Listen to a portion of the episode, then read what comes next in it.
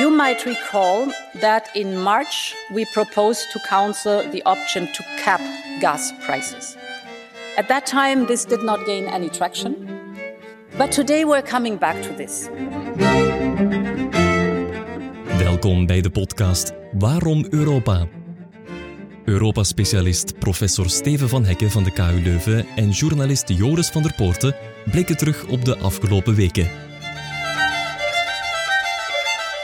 Wat moeten we onthouden? Wat is blijven hangen? Wat ligt er op tafel en zal daar misschien nog een tijdje blijven liggen? Waarom Europa?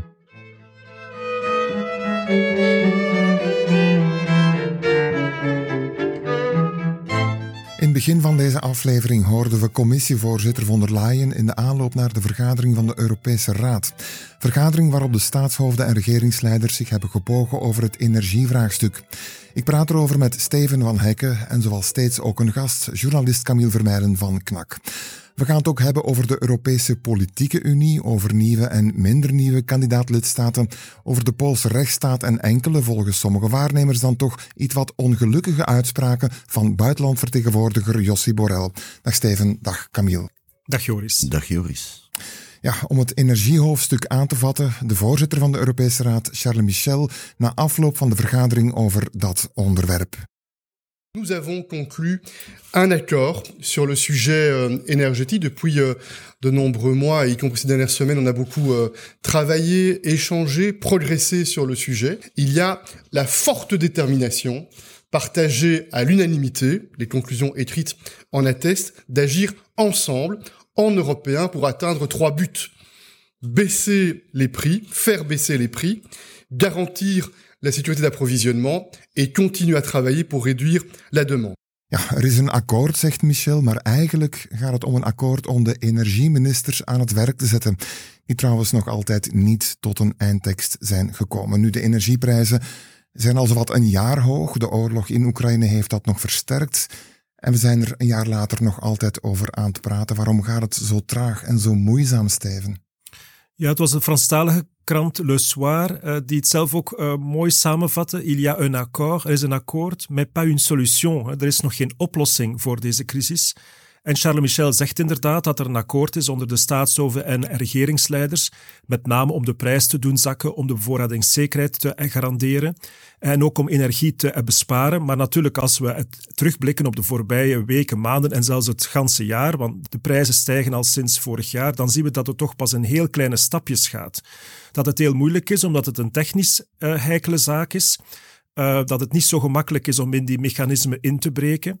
Um, en dat natuurlijk ook eerst en vooral erin gezet is op bevoorradingszekerheid. De eerste bekommernis was, gaat er wel een voldoende gas zijn? Wat op dat zijn is, beurt... Dat is gelukt, hè? Ja, dat is gelukt, maar de prijs die we ervoor betalen, letterlijk en figuurlijk, is zo hoog dat men dat nu natuurlijk hè, met de gebakken peren zit. Dat is niet zo gemakkelijk om die prijs dan naar beneden te halen, zeker als de landen, de lidstaten, onderling zeer sterk verdeeld zijn.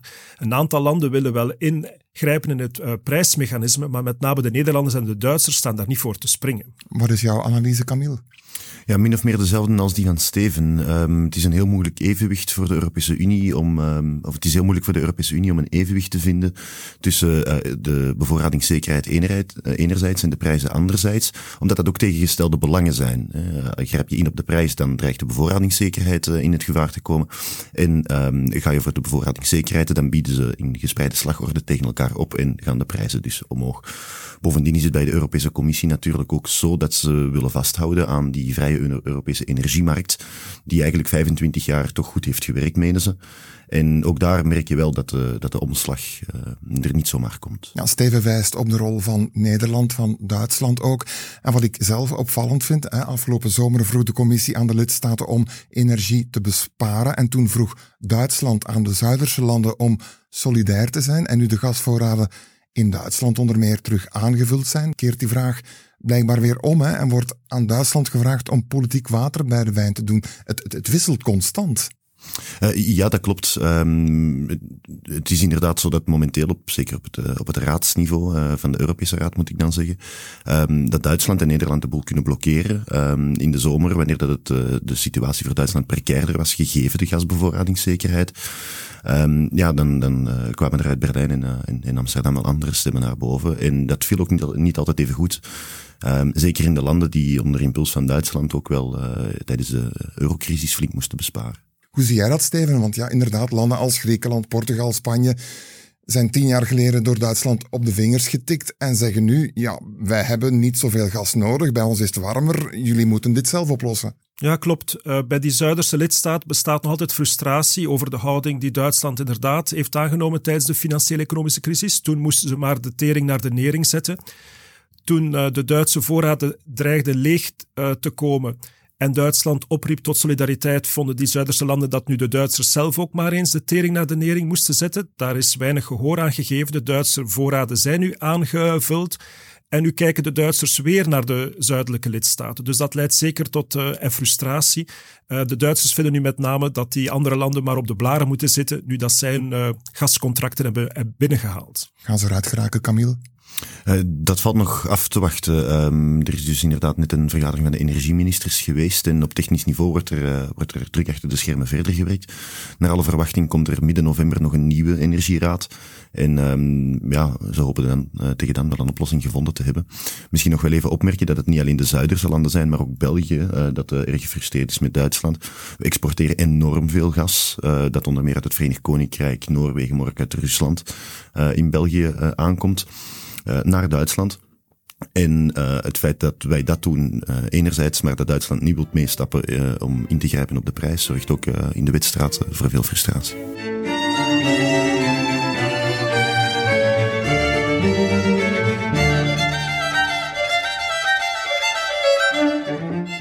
Il y a qui sont membres de l'Union, il y a des pays qui sont dans des procédures d'accession, d'autres qui viennent de quitter l'Union européenne, d'autres qui ne souhaitent pas du tout y accéder. mais nous partageons un même espace, souvent d'ailleurs une même histoire, et nous avons vocation à écrire ensemble notre avenir. C'est ça l'objectif de cette communauté politique européenne. Ja, de Franse president Emmanuel Macron bij de start van de eerste vergadering van de Europese Politieke Unie, een idee van hem. Wanneer en waarom heeft Macron het alweer op tafel gelegd, Steven? We horen hem zeggen dat er ook landen bij zijn die geen deel uitmaken van de Unie, van de Europese Unie. De Franse president Emmanuel Macron heeft het idee gelanceerd op 9 mei, Europadag in Straatsburg, bij de slotzitting uh, van de conferentie over de toekomst van Europa. Het is niet de eerste keer dat een Franse president zoiets voorstelt. Het doet zeker uh, herinneringen opwerpen aan uh, een van zijn voorgangers, François Mitterrand, die op het einde van de Koude Oorlog pleitte voor een Europese confederatie. We kennen ook wat Michael Gorbachev, de Sovjetleider die onlangs is gestorven, die pleitte zelfs voor een Europees huis. Dus het idee dat er natuurlijk een grotere organisatie nodig is, um, is niet nieuw. Het was wel uh, verrassend, maar tegelijk ook niet dat de landen in Centraal- en Oost-Europa en met name ook de niet-lidstaten van de Europese Unie eerder sceptisch waren, want zij vrezen natuurlijk dat de Fransen het zouden gebruiken als een nieuwe wachtkamer uh, voor die landen om ze met name buiten de Europese Unie uit te houden. Ja, en we stellen vast dat het dan vrij snel uh, gerealiseerd is. Hè. Je zegt op 9 mei, zowat een half jaar later, komt die eerste vergadering er. Verbaasde snelheid? Absoluut, maar daar is ook een reden voor. Um, wat uh, even snel is gegaan is dan eind juni is uh, Oekraïne en Moldavië kandidaat lidstaat geworden. En het feit dat die beslissing is genomen, heeft eigenlijk heel veel van de ongerustheid bij de andere kandidaat-lidstaten weggenomen. Ze hebben dan eigenlijk gezien, het zal geen wachtkamer worden. Het is toch een ander platform, dus moeten we het minstens een kans geven. Ja, en dan zien we ook landen als Turkije, het Verenigd Koninkrijk, alles wat daartussen ligt. Verbaast ook dat? Um, ja en nee. We zagen natuurlijk wel dat de landen uh, redelijk op één lijn zaten in de aanpak van uh, de oorlog in Oekraïne, met name ook de Turken, hè, die aanvankelijk toch een heel wijfelende houding aannamen. Maar dan heeft Erdogan duidelijk gezegd dat Oekraïne wel het recht heeft om de, de volledige controle te heroveren over haar grondgebied. Gevoelt duidelijk dat er nood is aan zo'n platform, dat het ook niet moet dienen als een alternatief voor de Europese Unie. Noem het misschien de E44, naar uh, analogie met de G7, met de G20, hè, waar de staats- of regeringsleiders op het hoogste niveau uh, niet volledig los, maar toch naast de Europese Unie samenkomen om over de grote vraagstukken met elkaar in discussie te gaan. Wat heeft die vergadering nu eigenlijk opgeleverd, Camille? Goh, dat is een moeilijke vraag. Ik denk dat het belangrijkste vooral is dat ze heeft plaatsgevonden in de eerste plaats. Um, de familiefoto, uh, misschien toch wel aan Moskou laten merken dat die met 44, hoewel natuurlijk Viktor Orban en ook de Servische president aanwezig waren, dat je met 44 uh, op de foto wilt staan, een soort van eendracht um, uitstralen. Um, maar het blijft afwachten hoe dat, het, uh, hoe dat het bekken in de toekomst zal functioneren, welke middelen er worden vrijgemaakt, welk mandaat de EPC zal krijgen enzovoort. Dus ja, concrete resultaten nog niet, maar dat het gebeurd is, is uh, wel degelijk belangrijk. Het is belangrijk, maar het zou ook een praalbarak kunnen blijven, of, of mogen we er meer van verwachten? Dat valt allemaal nog af te wachten. Ja, wat zijn jouw verwachtingen, Steven? Ja, die zijn gelijklopend met Camille. Het feit dat het plaatsvindt is heel belangrijk. Um, het is beter dat de leiders met elkaar spreken hè, dan uh, naast elkaar. Maar het zal zeker geen alternatief zijn voor andere samenwerkingen uh, binnen de Europese Unie. Eigenlijk is het vooral de Raad van Europa en de OVSE. We zijn dat misschien vergeten, maar die organisaties bestaan ook al. Is het voor hen uh, in de eerste plaats een, een soort blamage dat ze die rol niet hebben kunnen waarnemen, maar dat er dan toch nood is aan een nieuw platform. Ja, en je wijst op het feit dat Oekraïne en Moldavië nu al kandidaat lidstaat zijn. En als van de commissie afhangt, komt daar nog een land bij. Let me start with Bosnia-Herzegovina, for which the Commission recommends that candidate status be granted by the Council on the understanding that a number of steps are taken. This is our European offer for the people of Bosnia and Herzegovina. We expect from the leadership of Bosnia and Herzegovina to make full use of this opportunity. Ja, we horen de commissaris voor uitbreiding Varelli. Bosnië-Herzegovina wordt kandidaat lidstaat als van de commissie afhangt. Het land kent vandaag opnieuw een opstoot van nationalisme, vooral in het Servische gedeelte, Steven. In het verleden is Griekenland lid geworden na een militair regime, Spanje na Franco, Portugal na Salazar. Moest die landen behoeden voor nieuwe non-democratische regimes. Zien we gelijkenissen met wat vandaag gebeurt in Bosnië-Herzegovina? Voor een deel wel. Hè. Lidmaatschap van de Europese Unie dient dan natuurlijk hè, om de democratie te kunnen verstevigen, maar tegelijk zijn het ook uh, andere cases. Hè. In de landen die je zo net hebt opgesomd gaat het om een transitie naar democratie. Hier gaat het eigenlijk om landen die verscheurd zijn geweest door de burgeroorlog, eigenlijk nog altijd met die littekens worstelen, in een constructie zitten, uh, teruggaand op de Dayton-akkoorden, van 1994, uh, waarvan iedereen natuurlijk weet dat ze misschien toch niet ideaal zijn. De landen die daaraan ontsnapt zijn, zijn al lid van de Europese Unie, Slovenië en Kroatië. Maar voor diegenen die overblijven in ex-Jugoslavië blijven natuurlijk nog met een heel moeilijke situatie. En waarvan de Europese Unie tot nu toe altijd heeft gedacht, het is beter dat die problemen buiten blijven, dat ze eerst opgelost worden vooraleer die landen lid worden van de Europese Unie. Ja, Bosnië-Herzegovina wil kandidaat-lidstaat worden, een status die Turkije al heeft. En over dat land zei Varali het volgende. The EU's relations with Turkey remain complex. On the one hand, the accession negotiations remain at a standstill, as the assessment of the Commission confirmed that the negative trend of moving away from the European Union in key areas of fundamental rights, rule of law, and independence of the judiciary has not changed. On the other hand, the Commission's assessment also confirmed that Turkey remains a key partner for the EU and a candidate country. Ja, wat is jouw analyse van de ontwikkelingen daar, Camille? Wel, ik deel eigenlijk wat de, wat de eurocommissaris zegt. De, de Europees-Turkse relaties zijn natuurlijk heel complex en dat zijn ze ook al langer. Enerzijds heeft hij het over de democratic backsliding, om het zo te zeggen. Um, maar er zijn natuurlijk nog veel andere elementen waarom Turkije voor, uh, voor de Europese Unie heel belangrijk is. Denk maar aan zijn strategische ligging, inderdaad ook de rol die Turkije speelt uh, in het Oekraïne-conflict, maar ook migratiebeheersing. Um, Cyprus en, uh, en, Griekenland liggen natuurlijk al lang in conflict met Turkije. De gasboringen die in de Middellandse Zee blijven voortduren. Um, ja, maakt de situatie allemaal heel complex. Maar ik denk dat we wel met een, met een zekerheid kunnen zeggen dat er de komende jaren niet meteen grote veranderingen um, zullen komen uh, op vlak van institutionele verwovenheid tussen de Europese Unie en Turkije. Ja, het gaat ook vaak over respect voor de rechtsstaat. En eenmaal bij de club ben je eigenlijk nog niet zeker hè, over dat respect voor de rechtsstaat. En zie Polen, dat voorlopig niet moet rekenen op veel geld uit het cohesiefonds, bedoeld om onder meer grote structuurwerken te financieren. We luisteren naar een, een woordvoerder van de commissie. The reason for the Commission not being able to uh, reimburse payment claims lies in the fact that uh, Poland has indicated in its self-assessment that the, the uh, enabling condition on the Charter of Fundamental Rights is not fulfilled. Ja, dat was uh, Stefan de Keersmaker, een van de woordvoerders van de commissie. Hoe moeten we dit nu begrijpen, Camille? Hij verwees onder meer naar het Europees Handvest van Grondrechten. Wel, uh, Brussel heeft natuurlijk al langer problemen met de manier waarop Warschau omgaat met die, uh, met die grondrechten. Um, opvallend is natuurlijk wel dat het ditmaal om cohesiefondsen gaat. Uh, aan, in aanvulling op um, het geld dat Polen eigenlijk nog moet ontvangen uit het coronaherstelfonds. Het gaat nu zelfs om meer middelen dan Polen moet ontvangen uit het coronaherstelfonds. De Poolse regering probeert al langer een greep te krijgen op de rechtsstaat in het land, tot ongenoegen van Brussel dus. Um, maar uh, de, de, aanbevelingen die Brussel heeft geformuleerd, eigenlijk de verwachtingen, die worden door Polen niet ingelost. En daar gaat Brussel nu toch wel een, een flinke stap verder in. Nochtans, als het ging om andere Europese subsidies, die van het corona-herstelfonds bijvoorbeeld, was commissievoorzitter von der Leyen er in het voorjaar bijzonder snel bij om die wel toe te kennen. Steven, Polen vangt veel Oekraïnse vluchtelingen op, zei ze. We moeten het land steunen. Toen kon het wel. Ja, dat klopt. Het ging weliswaar alleen om een principiële beslissing. Dus Polen komt in aanwerking voor betalingen uit het uh, coronafonds, maar ze heeft ze nog niet gekregen. Dat vraagt nog aparte beslissingen en daar ziet het er dan weer niet helemaal goed uit. Maar inderdaad, commissievoorzitter van der Leyen heeft daar een risico genomen. Het is zelfs tot een stemming gekomen in de schoot van de Europese Commissie, dus de verdeeldheid was zeer groot. Uh, en ze had verschillende van haar vicevoorzitters tegen zich. Uh, ik denk dat het te maken heeft met het feit dat ze natuurlijk als onderdeel ook van de Europese Raad uh, meer haar oor te luisteren legt bij de staatshoofden en regeringsleiders. Dus dat ze meer aandacht heeft voor de positie van de Poolse premier en Morawiecki.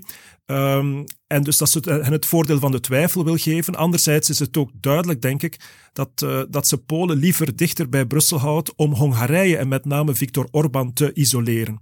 De oorlog in Oekraïne heeft eigenlijk een grote splijtswam gecreëerd tussen die twee landen, die elkaar altijd um, ontzagen. Dat lijkt nu en voorbij en de Europese Commissie wil daar eigenlijk handig van gebruik maken. Zie je het dan goed komen met Polen en het respect voor de rechtsstaat? Nee, er zijn nog heel wat problemen natuurlijk die opgelost moeten worden. En zoals Camille zei, er zijn een hoog aantal procedures die nog lopen. Maar minstens is er wel een soort ja, de-escalatie als het ware. Er is toch een begin van begrip langs uh, beide zijden terwijl ten aanzien van Budapest, ten aanzien van het regime van Orbán, nog altijd nog in een echte confrontatiekoers zit. Hoe zie jij het nog verder evolueren? Wel, ook zoals, uh, zoals Steven, um, je mag bijvoorbeeld niet vergeten dat Polen tot op de dag van vandaag nog steeds een dwangsom van 1 miljoen euro betaalt. Um, nu goed, dat is in het licht van zulke cohesiefondsen eigenlijk niet zoveel geld, maar het zegt wel iets um, over, over het feit dat er weinig beweging uh, in de zaak komt. Maar op bepaalde dossiers merk je wel dat Polen dichter bij Brussel staat dan Hongarije. Maar op andere blijft de confrontatie toch wel, uh, toch wel pittig hoor.